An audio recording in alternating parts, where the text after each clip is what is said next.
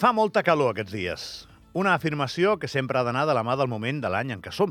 Per tant, en català correcte hem de dir fa molta calor per ser el mes de gener. Els efectes d'això en les persones són sempre diferents. No es pot negar que un bon dia de sol alimenta de vitamina D a molta gent i la posa contenta, més que un dia rúfol, que diuen els homes del temps. Però admetem-ho, per ser el mig del mes de gener, bueno, el mitjà acabant-lo, fa massa calor. Et trobes gent aquests dies i tothom parla del mateix. I aquí a Andorra parla de tant, parlar de tanta calor equival a fer-ho de no tenir neu. En aquest moment de l'any, almenys. Eh? Fins a aquest precís instant, l'editorial no aporta cap matís de qualitat respecte a qualsevol conversa estàndard, d'ascensor. Ho sé perfectament, eh?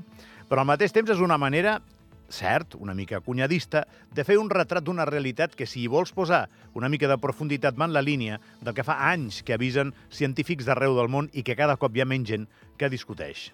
El clima, està canviant.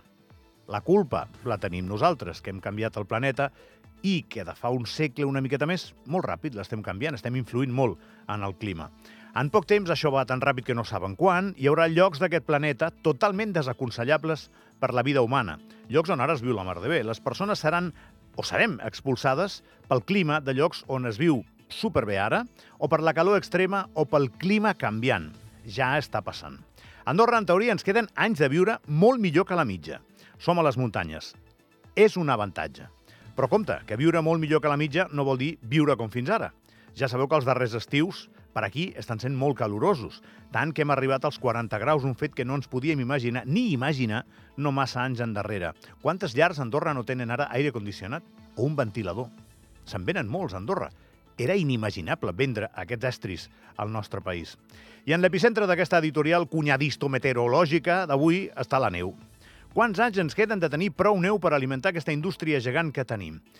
No tinc ni idea. Hi ha teories al respecte, però no són molt concloents. Jo intueixo que al segle XXII arribarem ja amb una concepció de negoci diferent de les nostres muntanyes a l'hivern. Simplement arribarà un cop en què ja no direm ha estat un mal hivern i el següent serà millor perquè n'encadenarem 5 de seguits o 6 de 8, o 7 de 9, que seran més o menys com aquest. I en aquestes coses, la veritat sempre és patrimoni de l'estadística. Sempre, absolutament sempre. I quan arribes a aquest punt de la reflexió, t'imagines, jo me l'imagino, algú que està demostradíssim que la toca molt, com el Joan Viladomat, en el seu despatx pensant el que s'haurà de fer, per exemple. Eh? I igual algun dia algú, igual que algun dia algú es va inventar un remuntador connectat a un camió per poder esquiar, algú haurà de pensar coses, Viladomat o el que vingui. Coses i cosetes, per quan la neu deixi de ser la norma per convertir-se en l'excepció cada hivern.